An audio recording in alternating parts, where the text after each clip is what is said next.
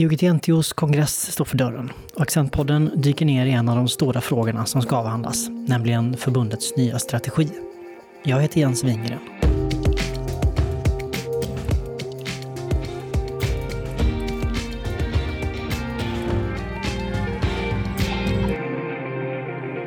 IOGT-NTO ska vara den självklara arenan för nyktra röster och ge medlemmarna verktyg att använda sina röster för att påverka. Det är kärnan i förbundsstyrelsens förslag till ny strategi. Förslaget är baserat på forskning, analyser och medlemsundersökningar som förbundsstyrelsen tittat på sedan förbundets senaste kongress i Örnsköldsvik 2019. I mars presenterades ett förslag på strategi för medlemmarna i en livesändning på Facebook och många åsikter kom in från medlemmar. En hel del oroliga för förbundets inriktning. Det förslag på strategi för IOGT-NTO som nu läggs fram för kongressen vill modernisera, positionera och utveckla IOGT-NTO.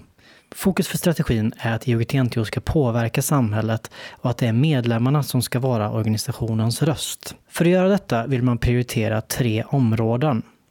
Dels att skapa förutsättningar för att IOGT-NTO ska ha en tydlig röst. Dels att bli fler så att organisationen syns och hörs. Samt att se till att synas och höras där man är som allra mest relevant. Stärka, höja och rikta rösten, som förbundsstyrelsen uttrycker det. Förslaget har också fyra strategiska mål. Att försvaga alkoholnormen i samhället, att nyktra röster ska ta större plats i samhället, att regleringen av alkoholindustrin skärps och att få allmänheten att stödja en progressiv alkohol och narkotikapolitik. Beslut om den nya strategin tas på den digitala kongressen som inleds den 28 juni. Och Accentpodden bestämde sig därför för att djupdyka i strategin tillsammans med Lina Boberg, kassör i IOGT-NTOs förbundsstyrelse. Jag har inte varit med i den gruppen som jobbat mellan mötena men såklart så har vi jobbat väldigt mycket med den i förbundsstyrelsen eh, liksom på våra möten i, i över ett års tid. Eh, det har ju bottnat sig i att vi, ja det var, det var dags för en ny sexårig strategi. Eh, om man hade gått på den gamla vanliga vägen, om man säger så. Eh, och då eh, så upplevde vi ju ingen i förbundsstyrelsen som satt kvar sen vi senast tog fram en och då kände vi att vi behöver göra ett ganska grundligt arbete. Särskilt utifrån att vi har, eh, har eh, gjort väldigt stora organisatoriska och verksamhetsmässiga ändringar i organisationen sedan vi senast antog en strategi. Eh, så därför har vi alla i förbundsstyrelsen jobbat mycket med frågorna på liksom aktivt arbete på förbundsstyrelsemötena med eh, frågorna. Så det har varit min, min största roll så. Så den här eh, strategin är, det är, det är en mer omfattande förändring eh, eller en mer omfattande, ett mer omfattande förslag än vad man brukar ta fram? Både och är väl svaret om man ska vara lite politiker. Eh, men dels, det är mer omfattande i vilken typ av inriktning vi ser att UTMPO ska ta och det är mindre omfattande i hur många verksamheter som omfattas. Vi har liksom valt att göra den spetsigare i vad vi ser att vi som organisation måste och ska satsa på och lite mindre bred i hur många då verksamheter som omfattas. Men valt att skriva liksom en hel del om, om hur vi ser att det här ska gestaltas i organisationen och hur olika medlemmar berörs av den. I eh, korthet då, vad, vad går den eh, nya strategin ut på? Den nya strategin går ut på att gestalta organisationens syfte och målsättningar genom våra medlemmar.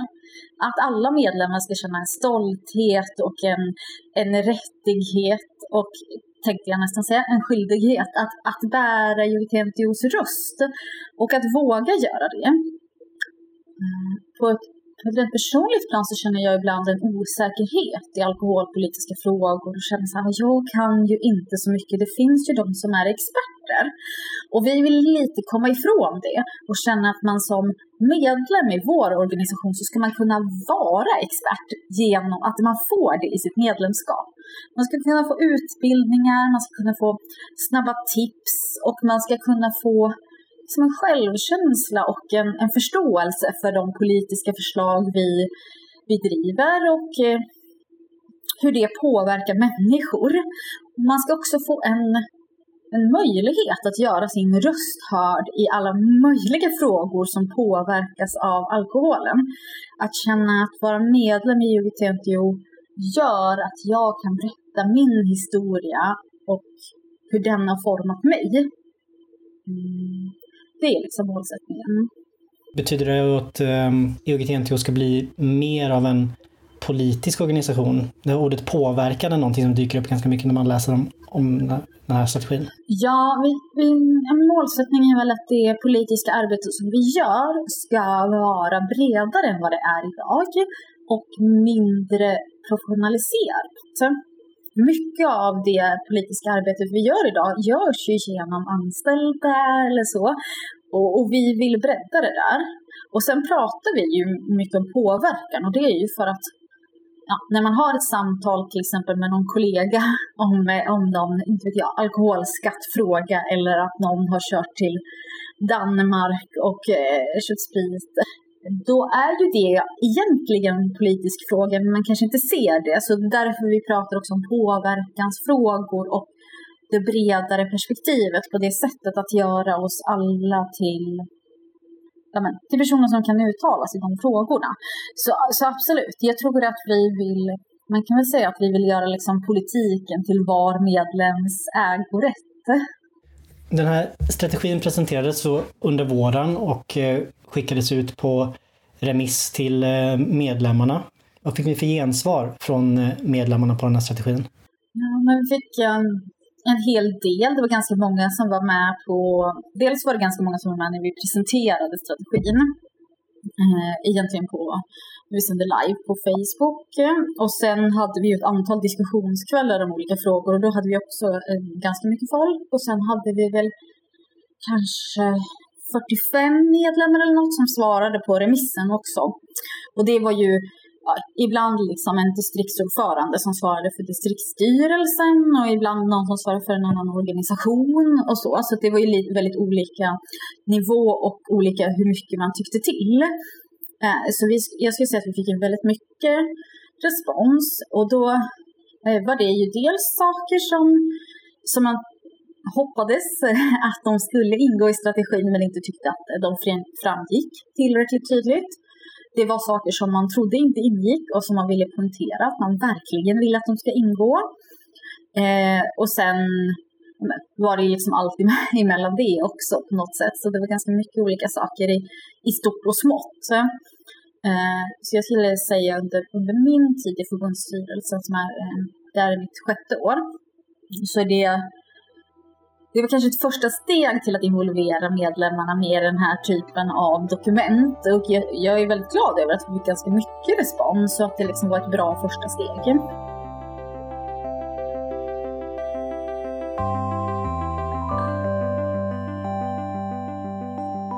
En sak som eh, det fanns åsikter om är att eh, risken att IOGT-NTO skulle bli mer av en lobbyorganisation och mindre av en folkrörelse.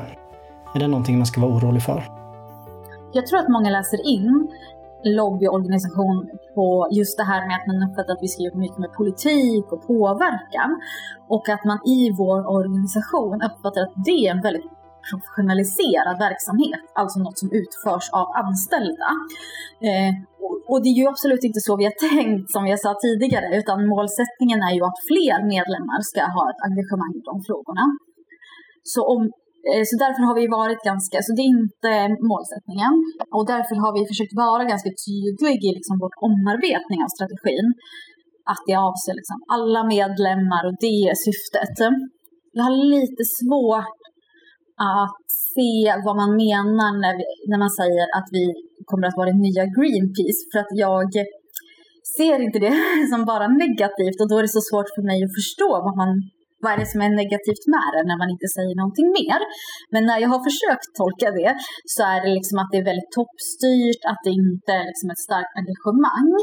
Eh, men, eh, och det är ju ingenting vi avser, men vi skulle ju vilja liksom att många medlemmar brann för många olika typer av frågor. Eh, och det är ju liksom, det kan väl såklart uppfattas som lite mer lobbyorganisationsaktigt. Vi vill ju lobba lite mer på flera olika fronter, bara inte genom eh, en toppstyrning. Vad blir det mindre av när det blir mer fokus på påverkan? Eh, mindre intern styrning. Eh, jag är, är kassör i förbundsstyrelsen och jag, så jag jobbar ju en del med det. Vi har som organisation ägnat oss väldigt mycket åt intern styrning åt från förbundshåll så styr vi över våra närliggande organisationer. Eh, vi försöker utöva ganska mycket kontroll över distrikten i form av distriktsbidrag. Distrikten ägnar mycket energi åt att försöka styra föreningarna.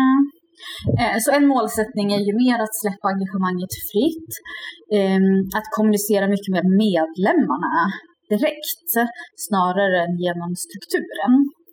Eh, så det skulle jag säga att det blir mindre av. Och sen liksom mindre fokus på att styra verksamheten och mer fokus på att inspirera till den typen av verksamhet som går i linje med strategin.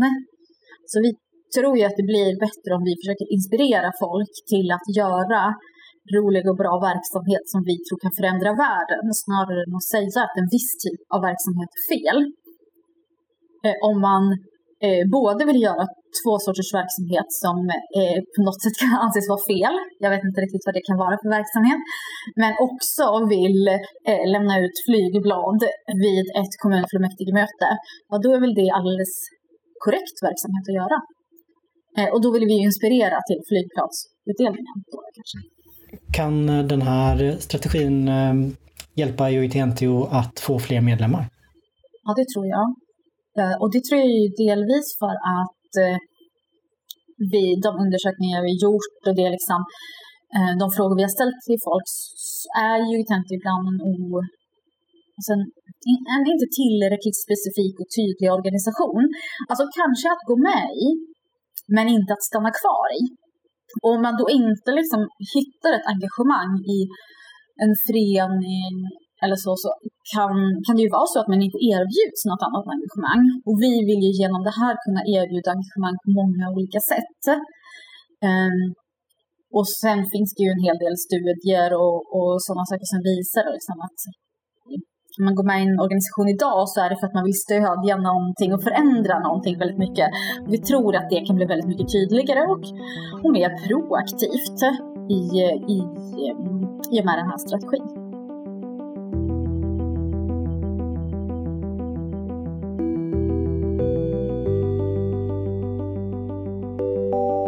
Du, du pratar om eh, att ni har gjort olika undersökningar och eh, nämnde också jämförelsen med, med Greenpeace. Vad har ni haft för eh, underlag i undersökningarna som ni gjort? Eh, eller har ni tittat på andra organisationer som förebilder när ni har eh, tagit fram den här strategin? Men jag har inte tittat på specifika organisationer så, men dels har vi ju ut, i förbundsstyrelsen liksom jobbat utifrån olika uppgifter till olika möten. Så. Så här, något möte fokuserade vi på liksom vad vår vision för organisationen och något möte fokuserade vi mer på vilka problem vi såg i nuvarande, i nuvarande organisation. Liksom. Så därför har vi ganska fokuserat försökt liksom dela upp strategin i de delarna. Och sen i det har vi ju gissningsvis alla olika ledamöter i förbundsstyrelsen tittat på olika organisationer. Eh, och vi har ju också fått en del underlag bearbetat av några personer på kansliet och då har ju de såklart också tittat på olika organisationer. Eh, men sen har vi ju också kollat på olika mätningar och undersökningar och vi gör ju också en del undersökningar liksom på kännedom om organisationen och så. Och, och då frågar de i de undersökningarna vad vi arbetar med, om man vet vad vi arbetar med. Då får vi en hel del ja, svar som inte stämmer överhuvudtaget med vad vi arbetar med i organisationen. Vad tror folk att EOIT-NTO arbetar med? Mm, dels tror ju många att vi, att vi driver behandlingshem. Och vi har ju drivit ett behandlingshem, men det är ändå svårt att hävda att det skulle vara någon typ av huvudverksamhet. Och många tror också att vi jobbar mycket mer med alkohol och liksom, drogfrågor än, än vad vi gör och prioriterar ner vissa frågor. Så tror också att en del, om jag minns rätt så sa en del att de tror att vi ger liksom skolinformation om alkohol och droger. Eh, och sen har vi också gjort en del medlemsundersökningar. Och i den svarar ju folk att det man tycker är allra viktigast av vårt arbete är eh, alkoholpolitiken, drogpolitiken, arbetet mot alkoholnormen och den typen av frågor. Så det har vi också baserat det på. Vilken roll spelar eh, nykter gemenskap i framtidens EUG-TNTO? Det spelar en stor roll på många sätt. För att jag tror att det är svårt att ha ett engagemang och brinna för att vara med i en organisation om man inte känner en gemenskap i det och känner liksom att, eh, att vi är fler gör att mitt engagemang lyfter. Eh, så det tror jag är jätteviktigt. Jag tror att det är viktigt att vi ses och får diskutera frågor. Vi kan inte på något sätt förutsätta att en person har alla svaren. Och det är ju en del av den nyttiga gemenskapen som, som alltid kommer att vara viktig. Sen jag pratade med en, en vän i veckan och så pratade vi om så här, kom, vilken verksamhet kommer liksom att överleva pandemin. Och då sa jag att jag tror att all verksamhet som syftar till något större än att bara göra liksom, det för någon annans skull tror jag överlever. För jag tror att vi alla suktar efter det och verkligen vill nå det idag. Um, jag tror, jag tror att mycket av det påverkansarbete vi ser att organisationen ska göra genom sina medlemmar kommer att uppnås genom nyttig gemenskap och liksom det gemensamma samtalet och det gemensamma umgänget. Så det, om, om man gärna vill ha nykter gemenskap tror jag inte att det, det är ett problem. Eh, sen vill ju vi ha eh, verksamhet som, eller vi pratat mycket också om att vi måste kunna ge verktyg för att ha de enkla politiska påverkansaktiviteterna eller att man lätt som medlem ska känna att man kan ta de samtalen. Där är vi ju kanske inte än, men jag tror att om vi får många enkla verktyg och man känner en större trygghet i det, är det lättare att ta den nyktra gemenskapen till nästa nivå. Det är ju målsättningen. Man brukar säga att vi i IOGT-NTO har eh, ungefär 80 av medlemmarna som inte är föreningsaktiva och sen har vi 20 som är föreningsaktiva. Och jag, jag funderar nu på ifall när du säger att, att man har liksom pratat med, med medlemmarna och gjort undersökningar om vad, vad de tycker är viktigt. Då föreställer jag mig att de här 80 procentens åsikter kommer fram i det. Om att det är viktigt med alkoholpolitiken och att den här ehm, remissen kanske främst får svar från de här 20 procenten som är, är föreningsaktiva och som kanske har en större önskan av att saker ska förbli som de varit tidigare. Är det en analys som du skulle hålla med om och vad drar du i så fall för slutsatser av den? Ja, det är en analys som jag absolut skulle hålla med om.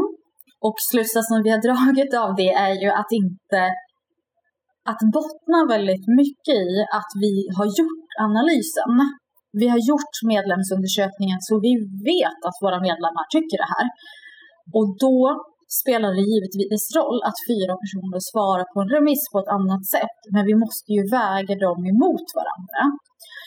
Och sen är det ju så att vi föreslår något som är en ganska stor förändring för vissa personer. Och då måste det få vara jobbigt för dem. Och då måste de personerna i en demokratisk organisation få samla sig och tycka och tänka och organisera sig emot det. Ehm, och det tycker jag är en viktig del av demokratin. Vi kan inte, ja, vi kan inte böja oss för varandra hela tiden utan vi måste stånga oss lite blodiga ibland också. Och man ska ju komma ihåg att vissa av de personerna som som uttrycker sig tydligt i de här frågorna, de är ju ganska starka maktspelare i organisationen. Och det innebär ju såklart att de har personer bakom sig, men precis som du säger så innebär det ju också att, att de som vi kanske inte hör, men de har ju svarat på annat och de vet vi ju existerar och vi har ju gjort undersökningar med medlemmar som nyligen har blivit medlem och frågat varför de har blivit medlem. Vi har ju den typen av underlag och då måste ju vi som har lett den här processen vara ansvariga för att komma ihåg deras röst. Eh, så det är väl mycket det vi också fokuserar på.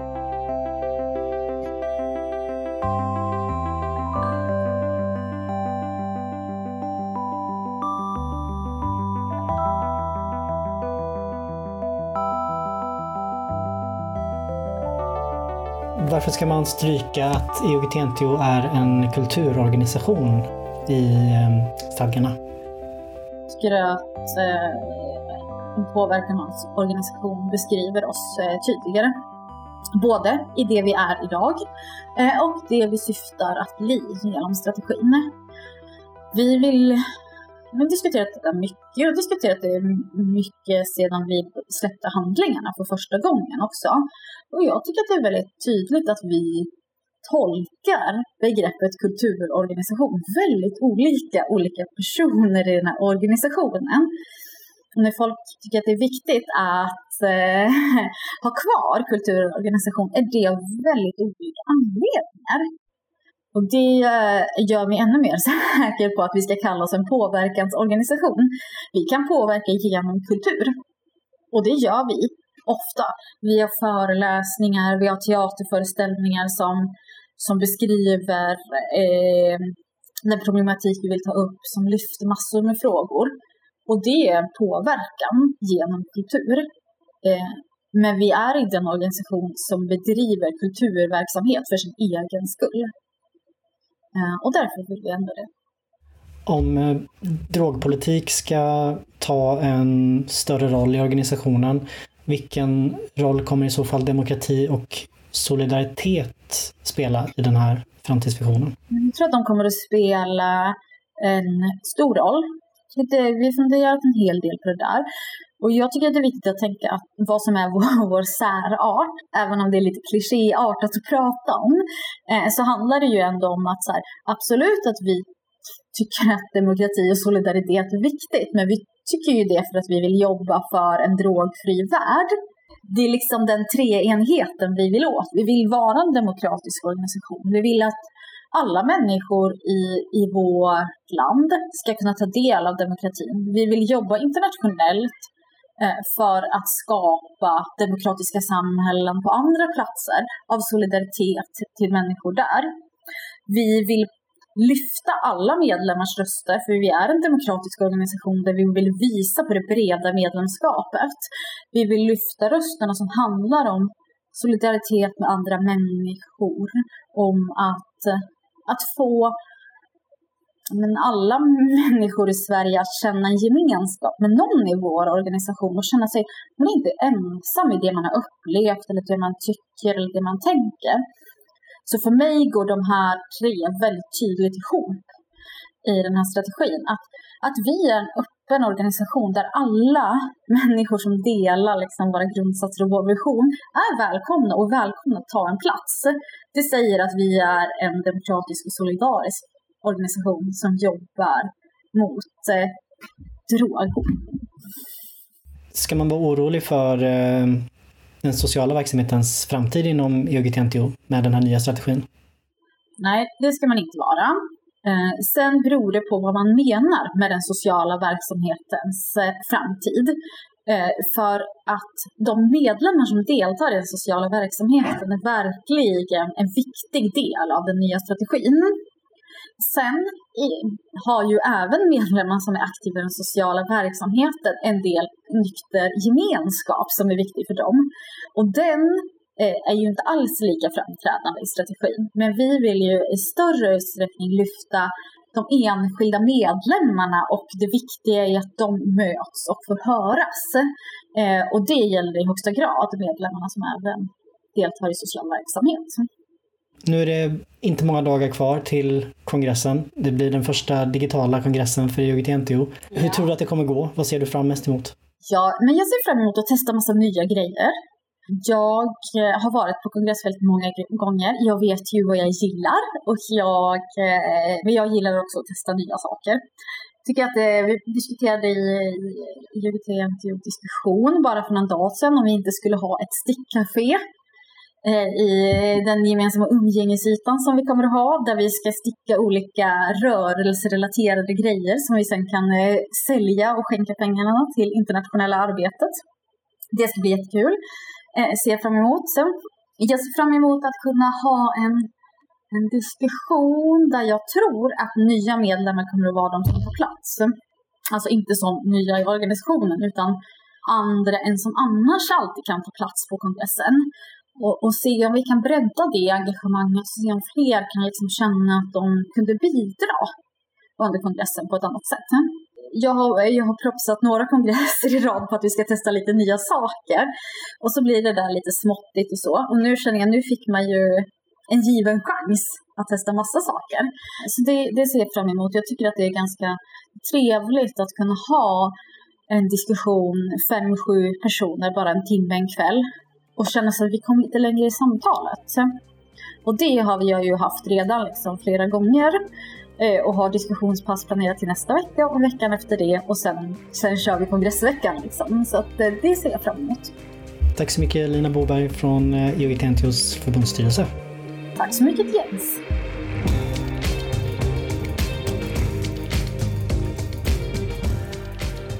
Du har lyssnat på Accentpodden. Accent är Sveriges största tidning om droger och nykterhet och IOGT-NTOs medlemstidning. Du får gärna höra av dig till oss och berätta vad du tyckte om den här podden och vad du skulle vara intresserad av att höra mer om i framtiden. Du når oss på accent Du hittar våra senaste nyheter på www.accentmagasin.se eller på Facebook. Tack för att du lyssnat!